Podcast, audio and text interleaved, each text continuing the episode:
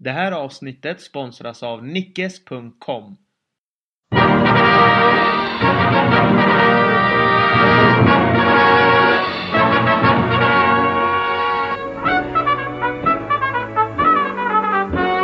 Hej och välkomna ska ni vara till ett nytt avsnitt av Bastardos con Gloria.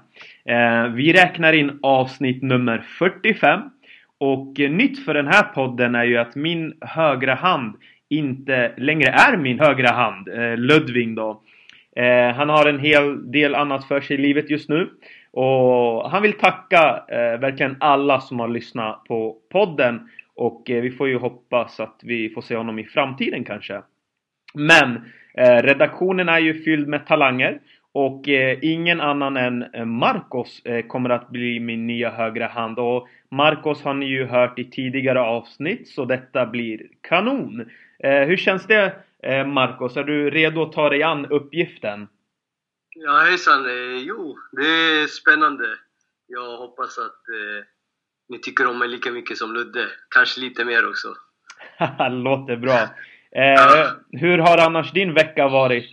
Eh, jo, min vecka har varit Hittills. ganska lugn. Mm. Lite plugg och sånt, men annars har det varit lugnt. Härligt. Då har du inte varit ute i regnet som jag då? Nej, jag slipper. Jag slipper det, tack och lov. Ja, du har ju alltid tur. Så är det. Eh, och i och med att vi fyller den här podden med talanger eh, så är det ju i sin rätt då eh, att gästen för det här avsnittet är ingen annan än Erik Niva. Hur står det till med dig Erik? Ja, men det är bara fint tack. Det är ju en eh, sann ära att få medverka i ett sånt här sammanhang. Trots att jag både som journalist och Tottenham-anhängare på, på olika sätt alltid haft ett knöligt förhållande till Real Madrid så är det som sagt en ära att få delta. I synnerhet då ifall det är Marcos allra första avsnitt. Det är ju förpliktigande att medverka i ett sådant. Så ja, jag är får tacka för, för att du ställer upp här på mitt första avsnitt här som med hans högra hand här. Ja, när du kallar så kommer jag. Det är en gammal sanning. Ja precis. Eh, härligt! Och i och med att vi är inne på talangspåret då här då Erik. Eh, Mm. för lyssnare som inte känner till dig, har du några talanger som vi inte känner till? Och då får du såklart inte eh, ja, säga något inom fotboll. Eh, Jag var bra på att prata baklänges när jag var liten i alla fall. Skulle jag få träna ett tag så skulle jag nog kunna blåsa liv i den färdigheten igen. Okej, okej. Eh, men hur, hur är det nu då liksom? Alltså, eh, känns det bra att kunna prata baklänges eller vad är grejen liksom? Vad var grejen? Nej, jag nyttjar aldrig färdigheten, det kan jag inte påstå. Men jag tänkte bara ifall jag måste försöka så kan jag ganska snabbt konstatera att Real Madrid baklänges pilla är ett dram.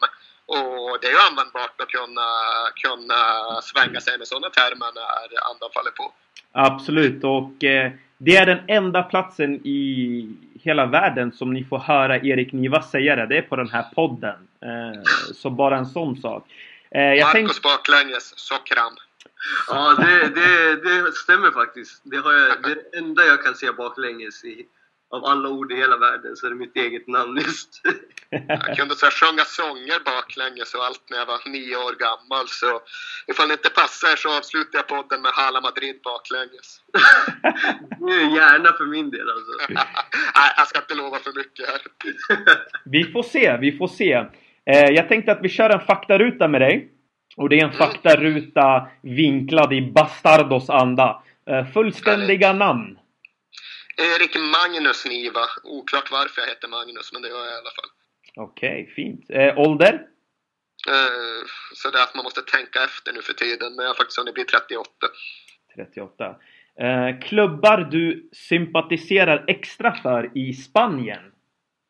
Eh, ja, alltså jag har ju ett sånt där förhållande till min fotboll att jag håller på Tottenham Hotspur och det är den enda klubb som jag påverkas av hur det går för. Mitt humör bestäms ju oerhört mycket av hur det går för Spurs. Men sen har jag dussintals klubbar som jag just sympatiserar med. Mm. Och ifall man ska se på de klubbar i, Spanien som det handlar om så är det Ja, jag ska inte säga i tur och ordning, men jag kan väl rabbla lite grann i alla fall. Absolut. Athletic Bilbao först och främst, men även nästan alla de baskiska klubbarna. Nu svepte ju ni undan Eibar senast, men jag kan liksom inte sluta beundra det de har lyckats åstadkomma med så små resurser. Eh, jag är också väldigt svag för Rayo Vallecano, ifall vi nu ska ta en granne till er. Mm. Och därtill har vi exempelvis Cadiz nere på sydkusten, så, eller sydkusten, nere i södra delen av landet, i alla fall nere i Andalusien, som jag också håller något litet, litet lillfinger för. Uh, jag tycker det är en klubb värd att stötta och sympatisera. Fantastisk support, även om de inte har så mycket att jubla över. Mm. Och inte för att sväva iväg för mycket nu, men nu har vi ju landat i Spanien eh, någonstans. Eh, vad tycker du om de som för kritiken mot att eh, Bilbao inte tar in andra nationaliteter än den baskiska? Ser du det som ett problem eller är det ett unikum? Alltså i grunden ser jag det inte som ett problem, men jag förstår att man kan problematisera det.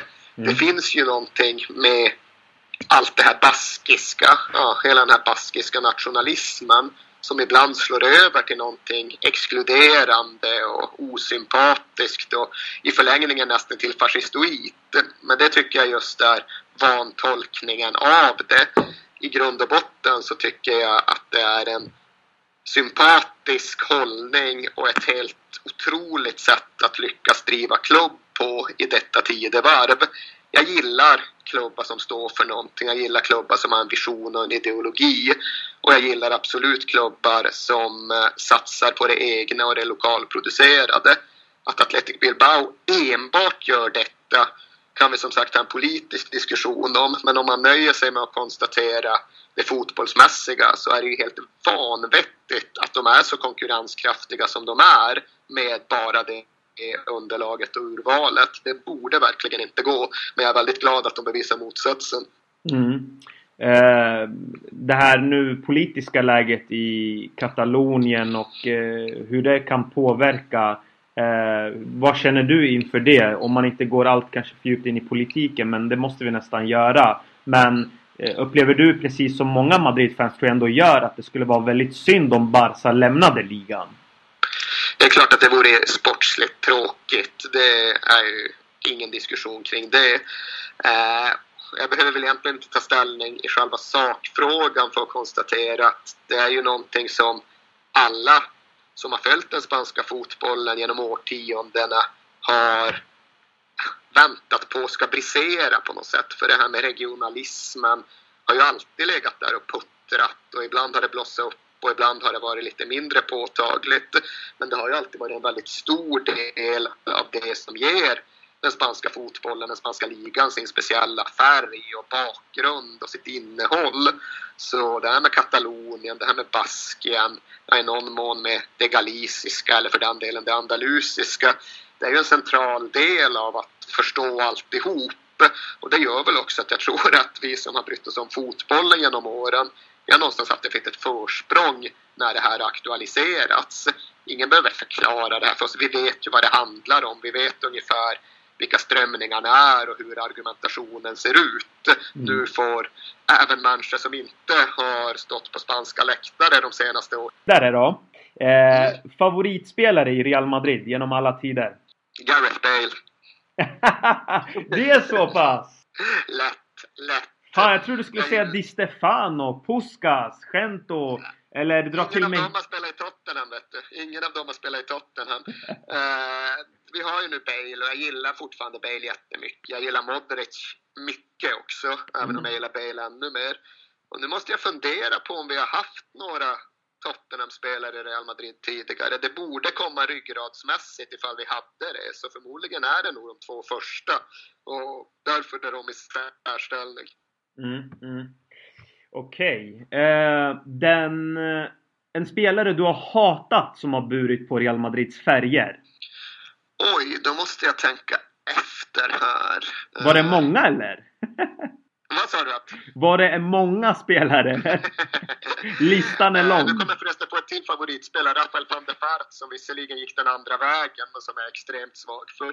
Mm. Eh, spelar, alltså grejen är att sådana älska och hata-spelare brukar jag ha ganska lätt att förstå mig på. Jag begriper att man ogillar Fernando Hierro ifall man håller på Barcelona. Men för mig så har det alltid varit lätt att respektera den typen av liksom banerbärare. Liksom, vem kan ogilla Raul? Jag tror att det är svårt att göra det ifall man inte har personliga antipatier mot klubben. Eh, och den typen av spelare som jag brukar ogilla, det är den här sortens legoknektar som överhuvudtaget inte bryr sig.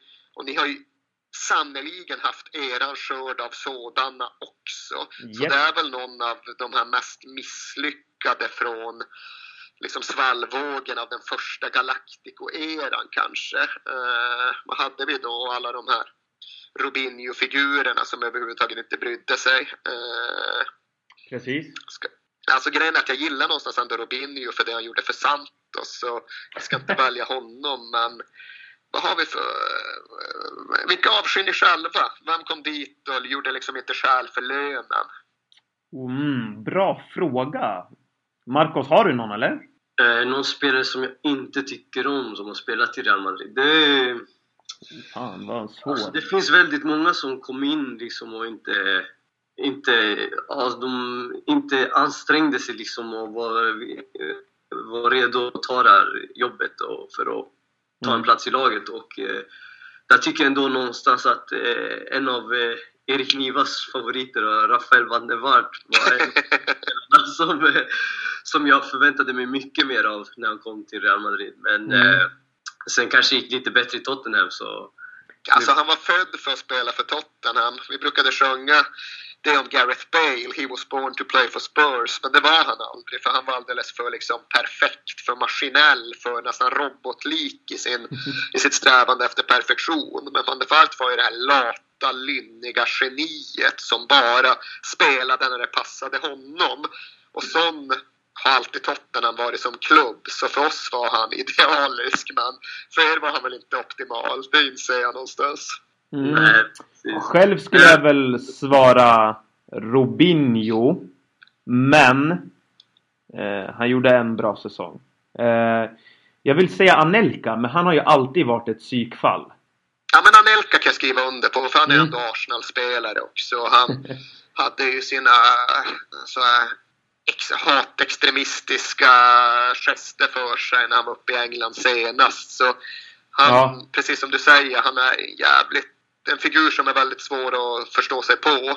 Och eh, gammal Arsenal-spelare som misslyckades i Real Madrid, drog till Kina, sen kom tillbaks och var osympatisk i England. Han funkar bra som, eh, som någon form av avskräckande exempel för mig. Funkar bättre än just Robinho eller en sån där Casano kanske någon skulle nämna. För de är ändå sådana killar som jag ändå uppskattar för det de en gång gjorde. Det Robinho Precis. gjorde i Santos och det Casano gjorde främst i Bari kanske. Mm, mm, just det. Eh, den mäktigaste matchen du har upplevt på Bernabéu? Oh, bra fråga. Nu måste jag nästan dela upp det här svaret i två segment. För det ena är ju verkligen det jag gjorde allra senast, bara förra veckan. Men det är färgat av att det var min egen klubb som var där och faktiskt tog poäng. Mm. Att Tottenham skulle spela bra och förtjäna en poäng på Bernabéu i Champions League. Det trodde jag aldrig jag skulle få uppleva under det 1990-tal, det misslyckade 1990-tal som formade mig som supporter. Så rent personligt är det det mäktigaste jag upplevt. Sen kvalar ju inte det in om jag liksom gör en, eh, ett större överslag då hamnar man ju på någon klassikomatch. Men där är ju för sig mest sett att förlora får jag lov att erkänna. Jag har mest sett Barcelona vara så där Guardiola-bra som de någon gång kunde vara. Mm. Uh, jag har sett Champions League-finaler på Bernabéu när jag inte var där och vann, men det var inte er match, så det känns ju lite trist att nämna. Uh, jag har varit på Bernabéu när den blev utrymd för ett bombhot mot Real Sociedad 2003 eller 2004. Det var mäktigt på någon typ av skräckinjagande sätt. Mm. Men jag väljer nog ändå Ja, nu är jag ledsen för det kommer bli en förlustmatch för er. Champions League-semin mellan Real Madrid och Bayern München 2012. Det var en så jävla fantastisk fotbollsmatch och det var sån dramatik så utan att själv ha några sympatier för någon av klubbarna minns jag att jag verkligen satt så och darrade under förlängningen för att jag var så nyfiken på hur det skulle gå och så nervös inför straffläggningen. Jag satt och var nervös inför straffläggningen och så dunkade Sergio Ramos ut den över, över norra läktaren och liksom halvvägs ut i Barajas eller vart bollen landade och Bayern München vann. Men det är nog de liksom starkaste känslorna jag känt på en Bernabéu-match när inte Tottenham har varit inblandat. Mm.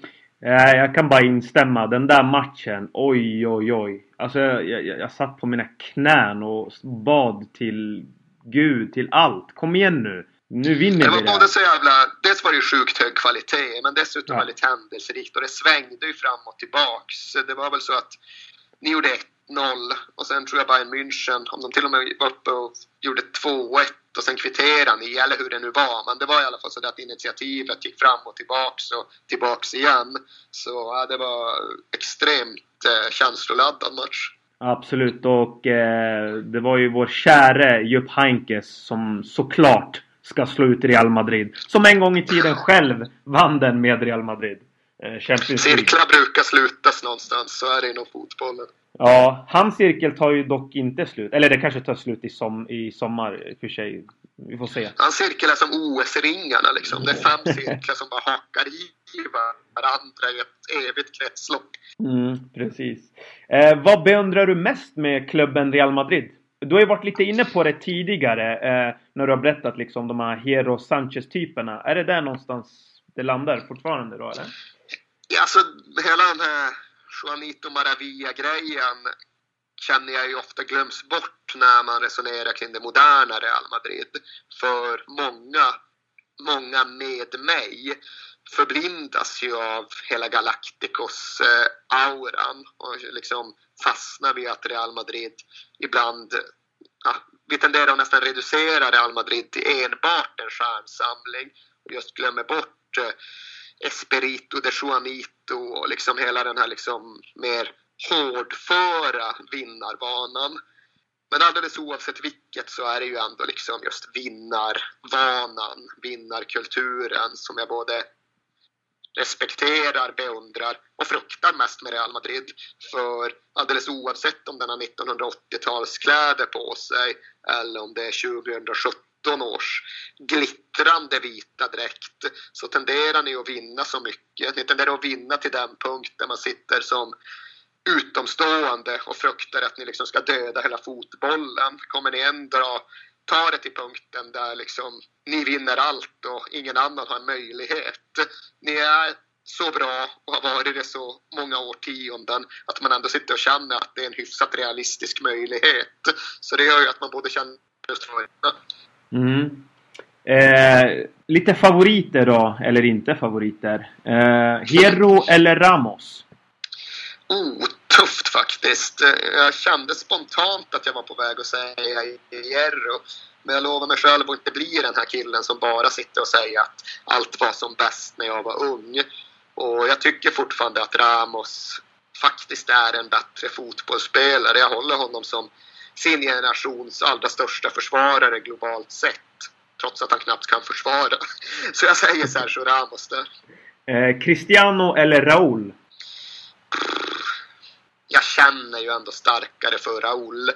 Raúl är mycket mer min typ av kille än vad Cristiano är. Så även om jag tycker att Ronaldo är missförstådd och liksom man anstränger sig för att hugga ner honom så kan jag inte undvika att säga Raúl ändå. Okej, eh, sista eh, frågan här då i faktarutan. Eh, Bale eller Modric? Bale. Jag tangerade det tidigare. Det är ändå liksom Tottenham är en mycket större del av Gareth Bale och Gareth Bale är en mycket större del av Tottenham än eh, motsvarande situation med Modric. Det var liksom det var Dinamo Zagreb och i någon mån den bosniska ligan som gjorde Luka Modric till spelare. Det var faktiskt Tottenham som gjorde Gareth Bale till spelare. Han var begåvad när han kom men det var en lite klen, livrädd 17-åring som eh, hade riskerat att inte få ut sin talang någon annanstans. Eh, så vi var väldigt bra för honom och han var sannerligen väldigt bra för oss också. Så det vore kul på ett sätt om han spelade på Wembley så att han skulle kunna få känna på den uppskattning som fortfarande finns för honom i Tottenham-kretsar. Det vore tråkigt om han spelade på Wembley för då kommer han oundvikligen göra två mål. Mm. Eh, om vi går in på matchen då. Eh, Real Madrid-Tottenham. Eh, som slutade då 1-1. Eh, och nästa match är ju då på Wembley. Eh, hur upplevde du första halvleken, Marcos? Eh, första halvleken för min del, jag tyckte det var nästan som väntat egentligen. Eh, jag, jag blev lite förvånad över att Pochettino ställde upp med fembackslinje. Och, eh, men den var väldigt stabil och så. Jag tyckte Tottenham gjorde en bra insats och det gjorde även Real Madrid. Så det var en väldigt underhållande match första halvlek där. Jag kunde ha gått, båda lagen kunde ha haft ledningen. Eh, straffen diskutabelt. Men ja, vad ska man säga, det var 1-1 och det var rättvist ändå. Sett till hur bra båda lagen spelar tycker jag. Mm. Eh, Erik, eh, hur upplevde du första halvlek? Om du kommer ihåg matchen? Uh, nej, men jag upplevde det ju på ett sätt rent emotionellt. På ett sätt sitter jag och bara hoppas att låt det inte bli som förra gången. För senast Tottenham var nere på Bernabéu var ju i Champions League-kvarten 2011. Och då hade vi släppt in ett mål efter typ fyra minuter och fått en utvisad efter en kvart och sen var det ju bara utförsbacke därifrån. Ja. Så jag ville ju någonstans att vi i alla fall skulle göra riktig match av det den här gången. Jag ville inte att det skulle vara avgjort i paus och att vi skulle riskera en utspelning och en förnedring. Eh, så jag var ju glad när vi hade kommit upp i en kvart utan att ha släppt in ett mål. Det var ju en chans där efter bara några, ja, vad kan det ha gått, 8-10 minuter när det väl var Benzema som nickade i stolpen och någon annan som svepte returen just utanför. Och där kändes det väl lite just som att hade den gått in så vette tusan. Men sen växte vi in i matchen och fick det där osannolika ledningsmålet. Och det var inte liksom så att det var rättvist, men det var inte heller så att vi var helt utspelade och helt utan någonting att säga till om. Så där fick man ju ändå den där nästan osannolika känslan av att ja, kanske ändå, kanske det kan bli något av det. Och sen kom straffen och 1-1 i paus och då var det verkligen så där in i halvlek att ja, ja, kul så länge det varade det var ju bra att vi fick göra det där målet, men när, psykolog, när kvitteringen kom så där psykologiskt så riskerade det väl att rinna iväg i andra halvlek. Så var liksom det rent känslomässiga under första. Mm. Chockade Pochettino dig med startelvan? Ja, det gjorde han, för att jag hade inte sett vare sig den formationen eller de spelarna framför mig. Vi hade egentligen aldrig ställt upp så där tidigare med Jorenter och, och Kane i ett tvåmannaanfall långt framför den där fembackslinjen och ett ganska numerärt fåtaligt mittfält. Men eh, det visade sig rätt snabbt att än en gång så hade han hittat rätt. Det gjorde ju att vi inte behövde lida så mycket av att Modric och Kroos trillade bollen och Casemiro vann tillbaks den. Vi kunde slå det raka uppspelet, få fast den på Llorente och på så sätt ändå få något att bygga spel utifrån. Det hade inte funkat att bara slå ifrån sig 90 minuter.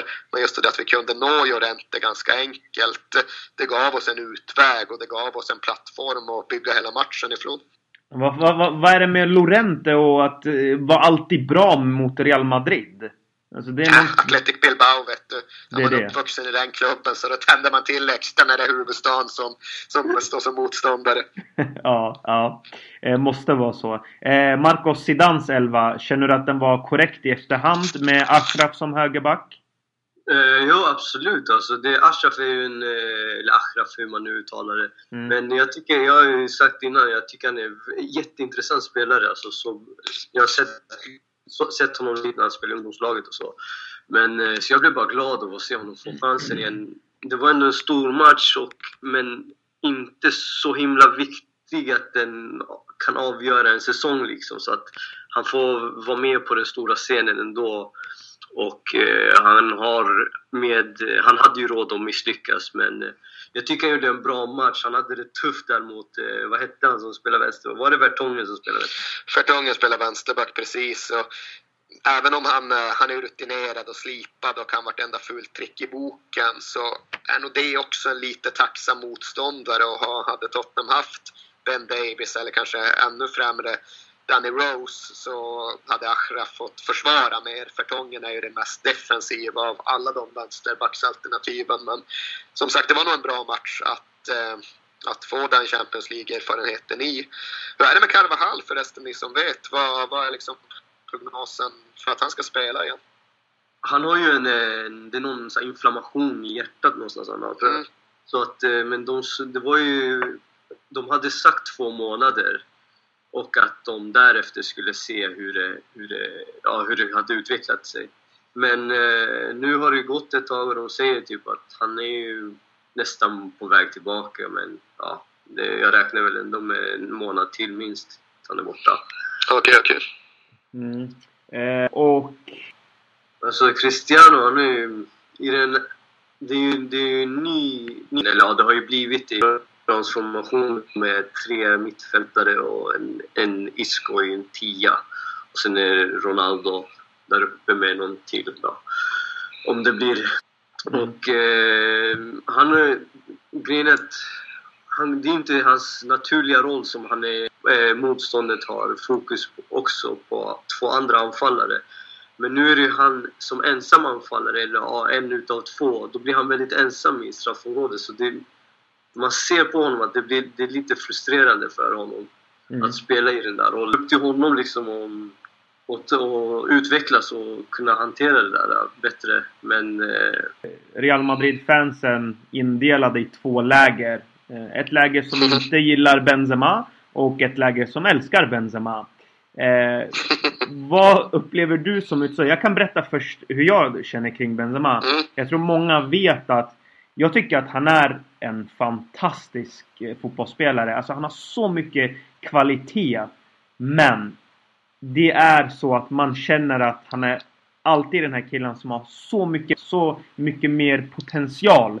Eh, det är en sak att säga att han är absolut jätteviktig för spelet. Fine, jag köper det argumentet. Men det är inte som att han spelar i med all respekt då, till alltså att han spelar i Osasuna eller Eibar. Utan han spelar i Real Madrid. Och det är inte som att han går miste om chanser. Utan det är när han väl får chanserna hur bra han tar dem. Ta till exempel matchen då mot Spurs. När det verkligen gällde. Där måste man ju panga in bara 1-0. Det finns ju ingenting annat på världskartan. Men likt förbannat så missade han. Men jag köper argumentet. Han är underbar i spelet. Alltså det är väl mycket det som är hela grejen med utvärderingen av Benzema. Om man ser till hans tid i Real Madrid så är det tveklöst så att det finns andra nior i världen som hade kunnat göra ännu fler mål.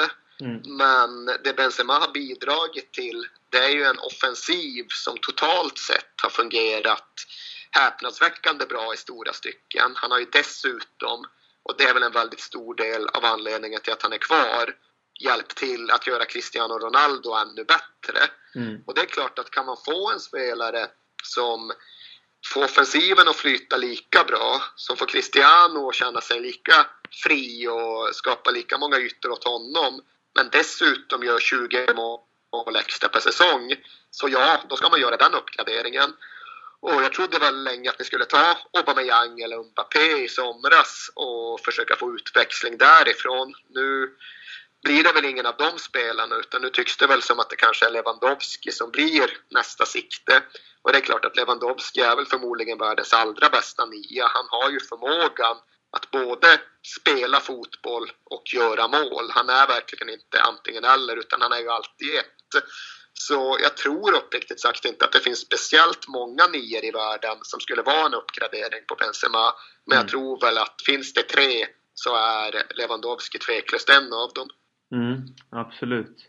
Um, och jag brukar alltid ställa den här frågan till alla våra gäster. Nu är det så att vi lever i en ganska sjuk fotbollsvärld, men i en underbar också. Men priset på många spelare idag, um, den är ju skyhög. Ehm, uh, var tycker du Erik, går gränsen mellan att fostra talanger, men samtidigt också kunna köpa stjärnorna?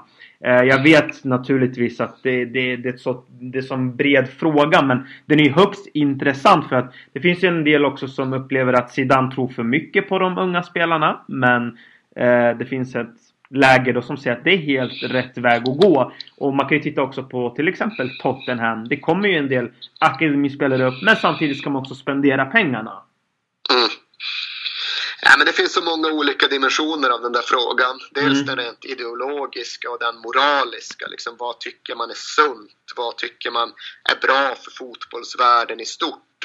Och sen finns den lite mer specifika. Vad är bra för just min klubb? På vilket sätt når vi bäst resultat? Och där har jag väl alltid just eh, kunnat känna att eh, Real Madrid är en förening som är problematisk att förhålla sig till. Mm. Eh, men jag känner väl ändå att eh, det alltid kommer att vara frågan om att hitta en balans som går att tugga i sig för så många som möjligt och som är så bra som det tänkas kan för att laget ska vinna. Och där tycker jag verkligen att Zidane och dagens Florentino har varit väldigt nära att hitta rätt. För det jag verkligen hade svårt med när jag var ny som journalist, det var ju den första Florentino-samlingen, liksom det första Galacticoslaget, när hela planen egentligen var att samla in de allra mest lyskraftiga stjärnorna från hela världen och förutsätta att det skulle bli det bästa laget. Ja, ni kan ju själv allt det där och även om man kallar det för Sidans och Pavons så blev det inte Sidans och Pavons. Det blev ju bara i slutändan ett gäng stjärnor som inte kunde spela tillsammans och Del Bosque som fick gå när han inte vann ligan tillräckligt stiligt och allt det där. Och liksom det pallade jag inte med och det tyckte jag var fel och det visade sig även på plan att eh, efter ni vann i Glasgow så gjorde ni ingenting i Champions League på väldigt många år under Florentino med den policyn. Sen kom han tillbaka och sen fick han Insidan var i led och då tyckte jag att allt blev mycket sundare och mycket vettigare. Och idag känner jag just att när man ser på Real Madrids senaste år så är det väl väldigt nära en optimal balans mellan den globala superklubben som samlar stjärnor och eh, huvudstadsrepresentanten från Madrid som ändå har rötterna kvar. Jag tycker det är liksom imponerande att konstatera att ni på något sätt har gått om Barcelona vad det gäller att slussa upp eh, yngre, i det här fallet spanska spelare. Och visst, man kan säga att ni hämtar Ceballos i, va? men det är ändå liksom en tydlig tanke i framtiden och föryngringen. Och jag tror ju inte på att liksom strunta i Ceballos och strunta i Asensio och strunta för den delen i Isco och bara tänka på Bale och nästa Bale och vem som ska vara Mbappé och så vidare och så vidare. Utan jag tycker att Real Madrid i grund och botten ligger rätt nu utifrån den klubb man är och de ambitioner man måste ha. Mm. Eh, Marcos, eh, en åsikt också som delar vissa, inte många kanske, men det är värt att ta upp tycker jag. Det är ju det här med Marcello. Nu har han haft en ja, svajig inledning men ändå, han blandar och ger rätt mycket. Eh, tycker du att, eh, att, att det räcker med att han är så duktig i offensiven? Eh, eller känner du att det hämmar Ramos också som oftast får ta hans jobb? Uh, nej, absolut inte. Alltså det, det är som det ska vara. Innan honom var det Roberto Carlos och eh, det är Real Madrid. Det är, som Cannavaro sa när han berättade någonting om att när, när de precis hade köpt in Pepe där mm. och så var det någon match när Pepe bara typ slängde med armarna och bara vad fan händer? Vart är, vart är alla? Vi, blir, vi är ensamma här bak. Och då sa Cannavaro till honom han kollade på honom och sa det här är Real Madrid. Det, här, det är så här vi spelar. Så det, jag tycker det, det är som det ska vara. Ramos spelar där, han, det är vad som förväntas av honom. Han ska täcka upp för sin ytterback. Det är inget, det är inget snack om saken. Mm. Sen om eh, att Marcelo brukar ha lärt sig att försvara med, med åldern och med tiden, det är ju bara ett plus. Det är ett stort plus. Men eh, absolut, låt han springa och ha kul där på sin kant. Det är sånt vi älskar. Men jag tycker att Tottenham stängde ner honom väldigt fint, alltså, om man ska snacka om Marcelo. Med Sissoko och eh, Arier där. Eh. Så var, han var ju nästan borta ur matchen där tycker jag. Han syntes inte till så mycket som han brukar göra. Nej. Eh, men Aurier är, är den typen av spelaren. Alltså, i, alltså jag har sett han några gånger i PSG med. Så fan, ibland växlar han upp rejält. Alltså då täpper han till. Men sen har han ju också sin sida där han ja, eh, går ut på sociala medier och berättar hur dålig Zlatan är eller vad han nu sa. Ja, han har även den sidan på planen att han är opolitlig. Eh, det är verkligen mitt intryck än så länge. Han kan ju vara väldigt, väldigt nyttig. Men han kan också dra på sig straff på Bernabeu och det var väl i och för sig inte hela världen. Han hade en situation två veckor tidigare där han höll på att kosta Tottenham ett eh, London-derby mot West Ham då han drog på sig ett rött kort helt i onödan. Men han har ju också den där förmågan att framförallt vara väldigt, väldigt bra en mot en och kunna spela jämt mot extremt skickliga individualister på det andra laget. Nu spelade ju Tottenham mot Liverpool häromdagen och då valde Pochettino att spela honom på vänsterbacken, vilket han egentligen inte är van vid. Men det var enbart för att han skulle spela mot Mohamed Salah, den här extremt kvicka egyptiska ytten som Liverpool har. För att han gillar just att blåsa inåt i banan och då kan Orier försvara mot honom på sin högerfot. Och okej, okay, Salah gjorde ett tröstmål men totalt sett var det ytterligare en lyckad eh, matchplan av Pochettino att han verkligen hade identifierat det där. Mm. Men om vi blickar framåt här nu då. Eh, för Real Madrid och Tottenham har ju under åren gjort en hel del business tillsammans. Eh, Erik, tror du det finns en chans i världen att en dag så tränar Pochettino Real Madrid? Vad, vad känner du inför hans framtid och tror du att Real Madrid kan vara en, en, destination för honom när Zidane känner att det är dags att gå vidare? För vi, idag läste jag en eh, artikel från Marca som, ja, där Zidane säger i en intervju En dag kommer jag inte att träna Real Madrid. Det kommer vara en dag där jag lämnar Real Madrid. Mm. Nej, men så uppfattar väl jag det också. Att Zidane är förmodligen inte tränaren som sitter där i 15 år, även om han fortsätter att vinna. Sen är Pochettinos framtid svår att sia om. Eh, jag tror verkligen att han vill stanna i Tottenham en längre tid, för vi har ju liksom vi går en, eh, en oviss och ganska spännande framtid till mötes. Vi ska in på en ny arena nästa säsong och jag tror verkligen han värdesätter att vara mannen som guidar klubben in i en ny tid. Sen är ju fotbollsvärlden som den är och det finns alltid utmaningar och möjligheter som är större än någon annanstans. Och instinktivt var jag faktiskt livrädd när Luis Enrique aviserade att han skulle lämna Barcelona. För eh, liksom la ihop ett och ett. Pochettino har bott väldigt många år i Barcelona. De har liksom ett sätt att se på fotboll. Han är ju skolad av Bielsa, Pochettino och det liksom finns många gemensamma referenspunkter med Barcelonas fotbollsideologi. Så jag tänkte, ja, går nu Barcelona in så då kommer han ju inte kunna stå emot. Mm. Men där ökade ju min respekt för honom ytterligare några procent. För han konstaterade, ja visst, jag har bott i Barcelona, men det var för att jag har tillbringat väldigt många år i Espanyol. Och eftersom att jag tillbringar väldigt många år i Espanyol så kommer aldrig FC Barcelona kunna vara ett alternativ för mig. Den dörren är stängd. Och det innebär ju en rad olika saker. Det innebär ju kanske att Eh, Real Madrid är ett alternativ. För vägen mellan Espanyols hemmaarena och Bernabéu är ju mentalt kortare än vägen mellan Espanyols hemmaarena och Camp Nou.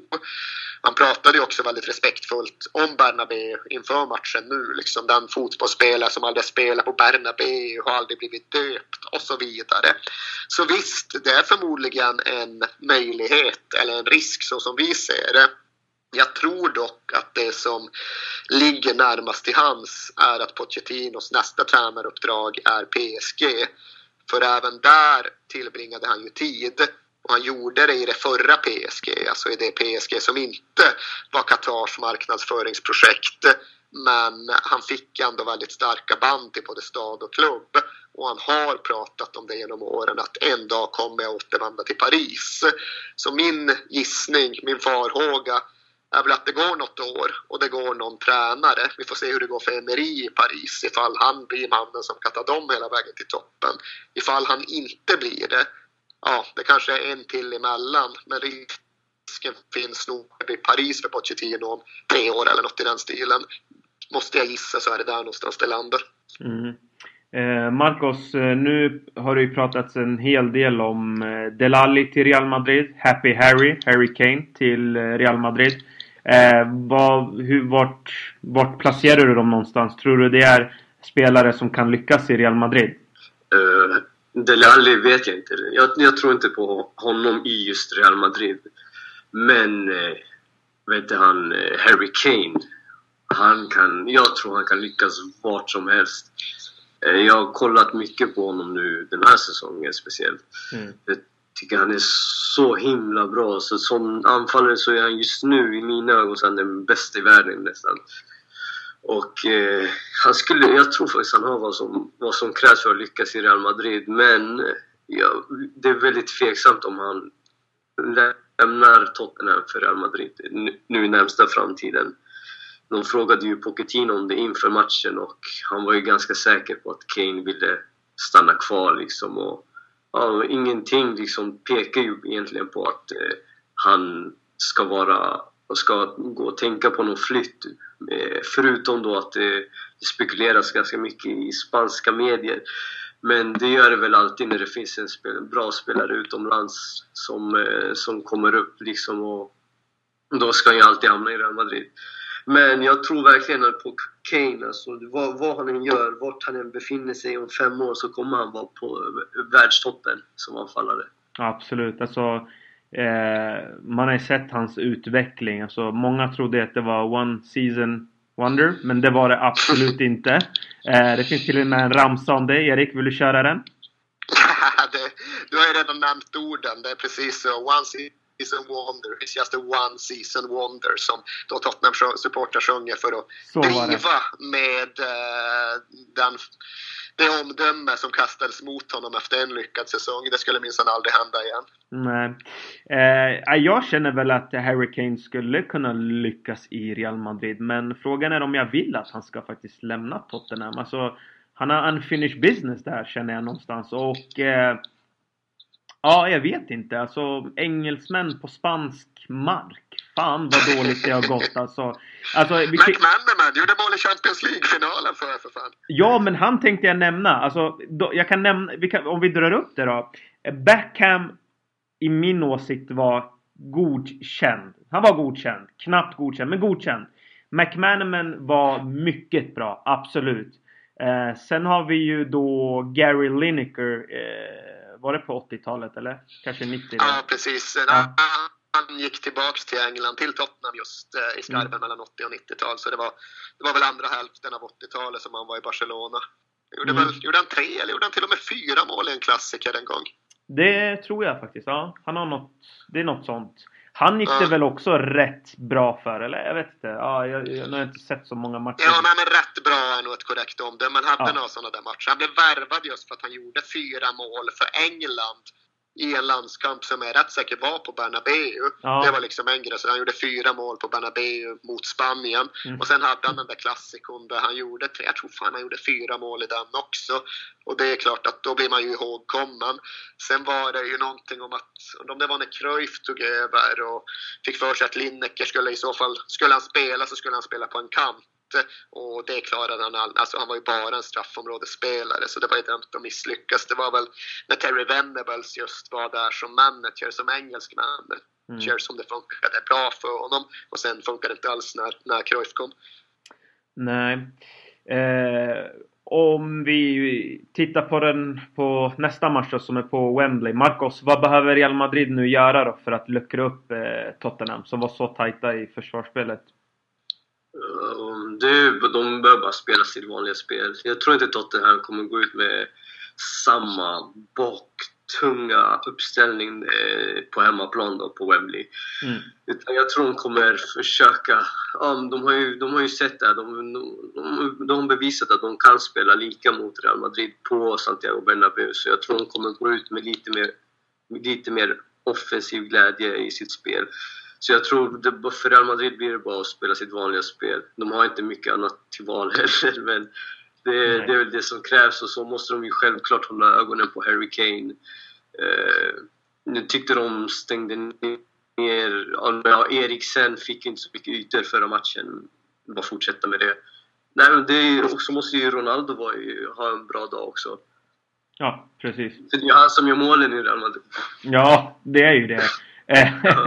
Eh, ja, precis. Nej, men jag känner likadant. Alltså, eh, Real Madrid måste vara mycket aggressivare och förhoppningsvis kommer ju Tottenham som du säger släppa lite och inte vara så strikt defensiva kanske då. Eh, nu får vi se om Pochettino igen överraskar Zidane. Men vilken fantastisk match det kommer bli. Men Erik, känner du som Spurs-fan då att det har varit tungt att lämna White Hart Lane för Wembley.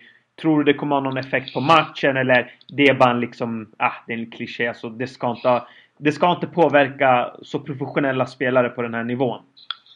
Men det påverkar högst konkret och på flera olika sätt. Dels allt det här med att omgivningen är annorlunda och stämningen är helt annan.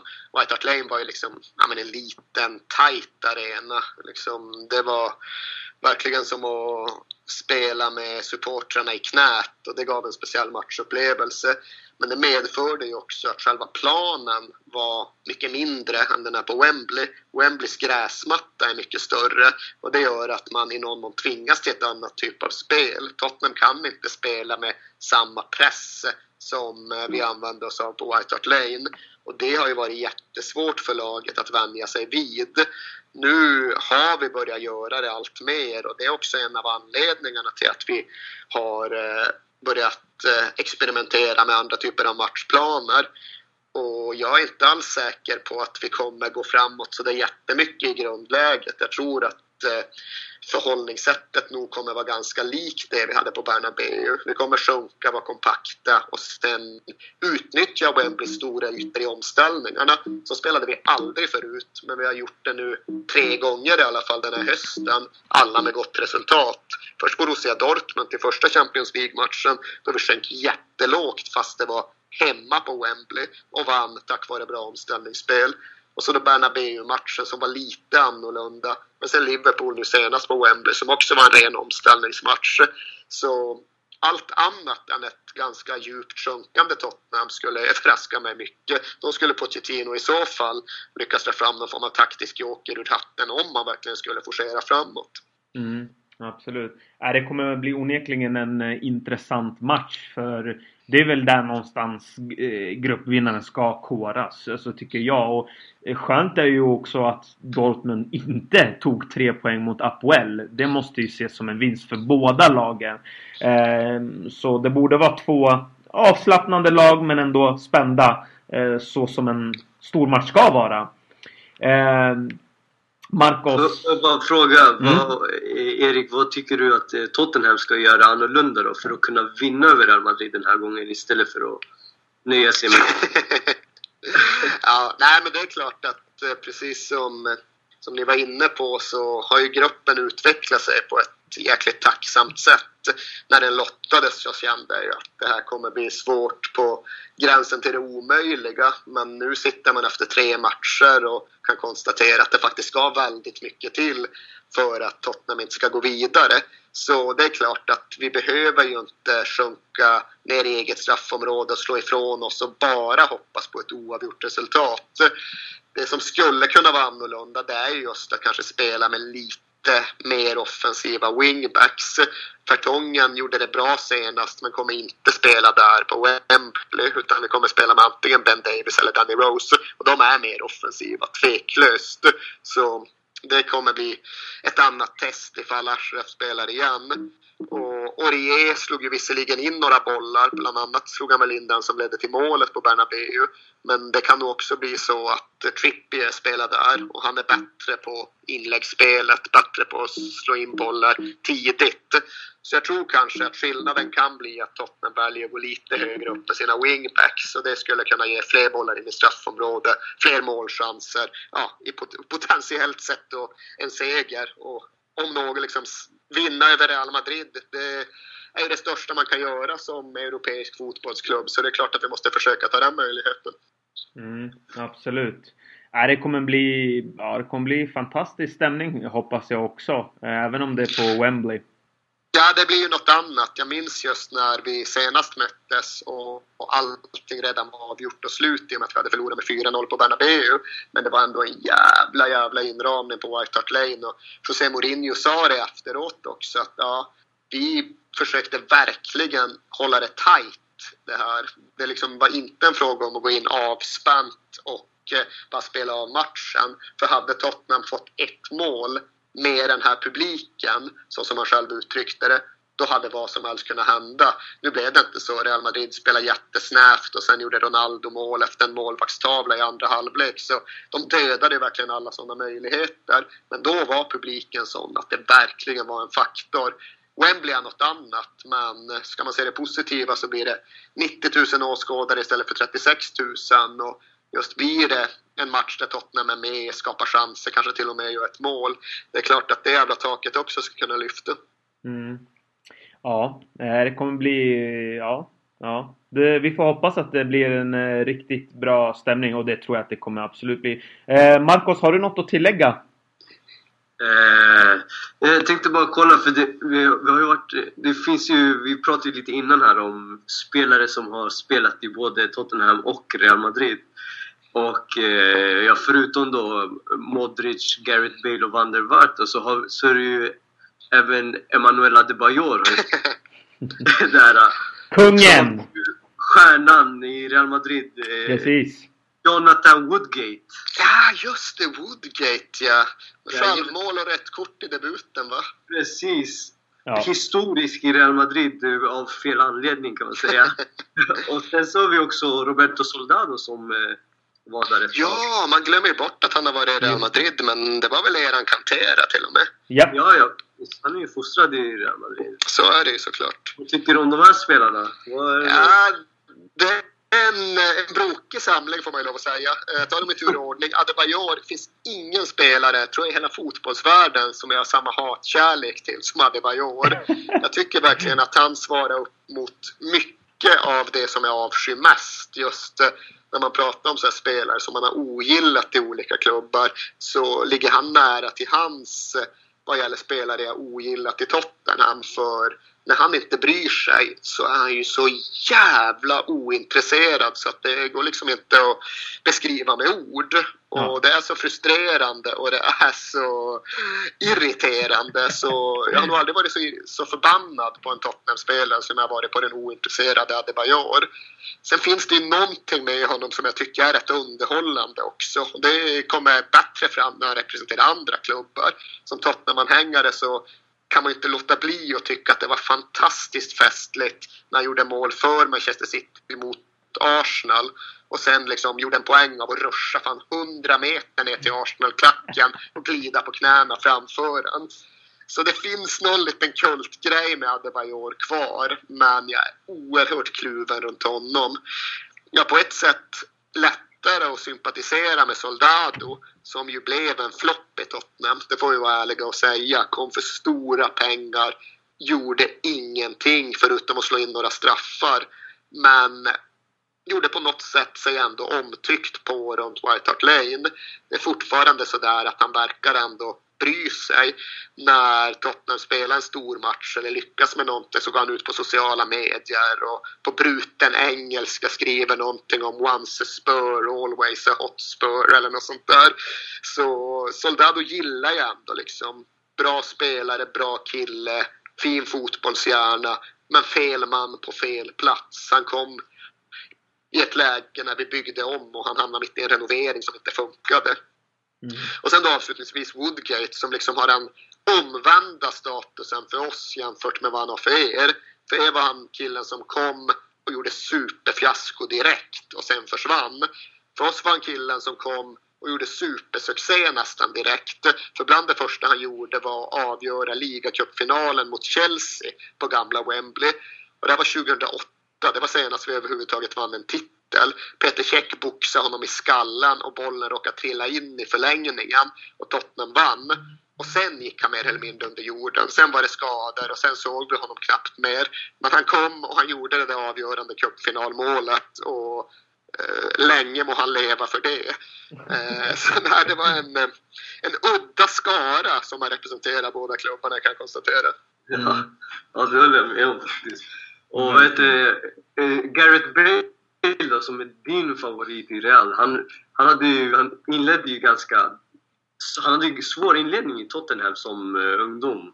Om inte jag minns fel, när han var vänsterback där. Han hade någon sån här... Uh, det var någon, jag hörde någon, någon match var de sa att uh, han, de har, Tottenham har inte vunnit en enda match som Bale har startat som vänsterback.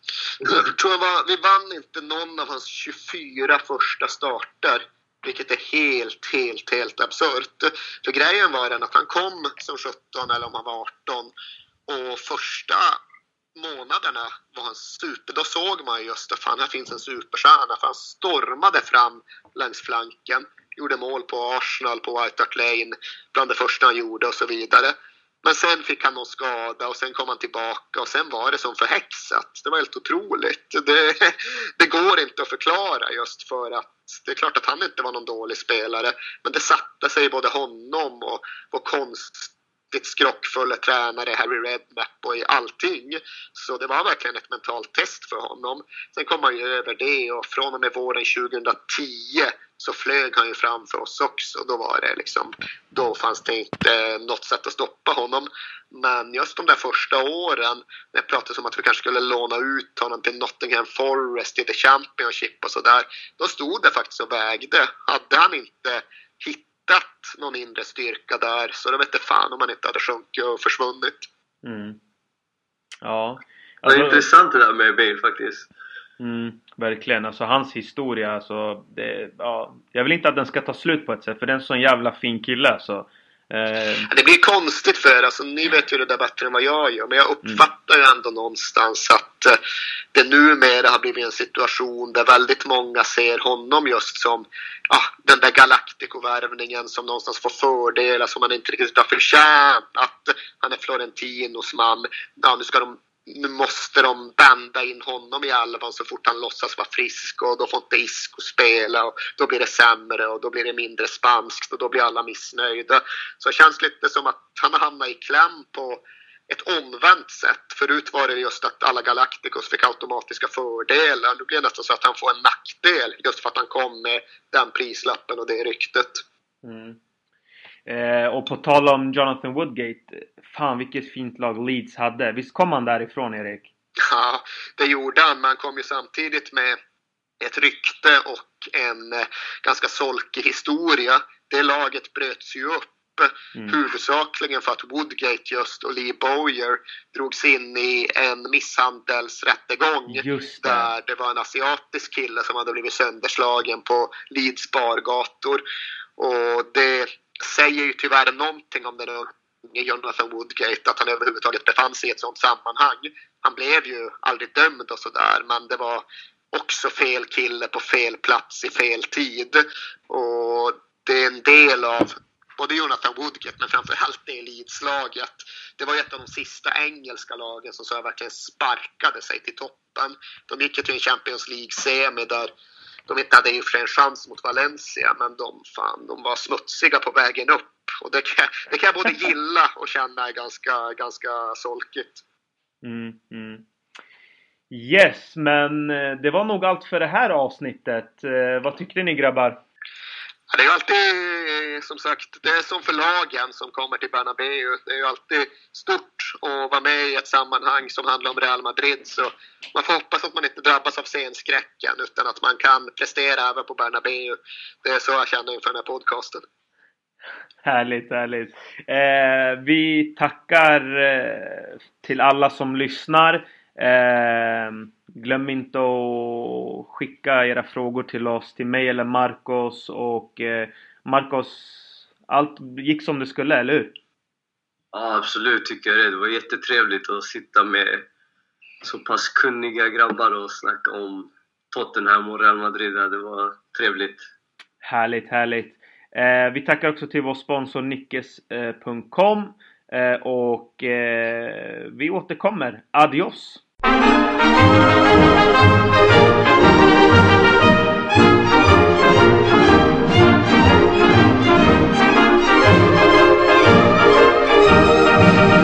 De las glorias deportivas que campean por España. Va el Madrid con su bandera, limpia y blanca que no empaña. Castizo y generoso, todo nervio y corazón Veteranos y noveles, veteranos y noveles miran siempre sus laureles con respeto y emoción. A la Madrid, a la Madrid, noble y bélico Adalid, caballero del honor. A la Madrid, a la Madrid, a triunfar en buena lid, defendiendo tu color. A la Madrid, a la Madrid, a la Madrid a la Madrid, a la Madrid, noble del Guadalí, caballero del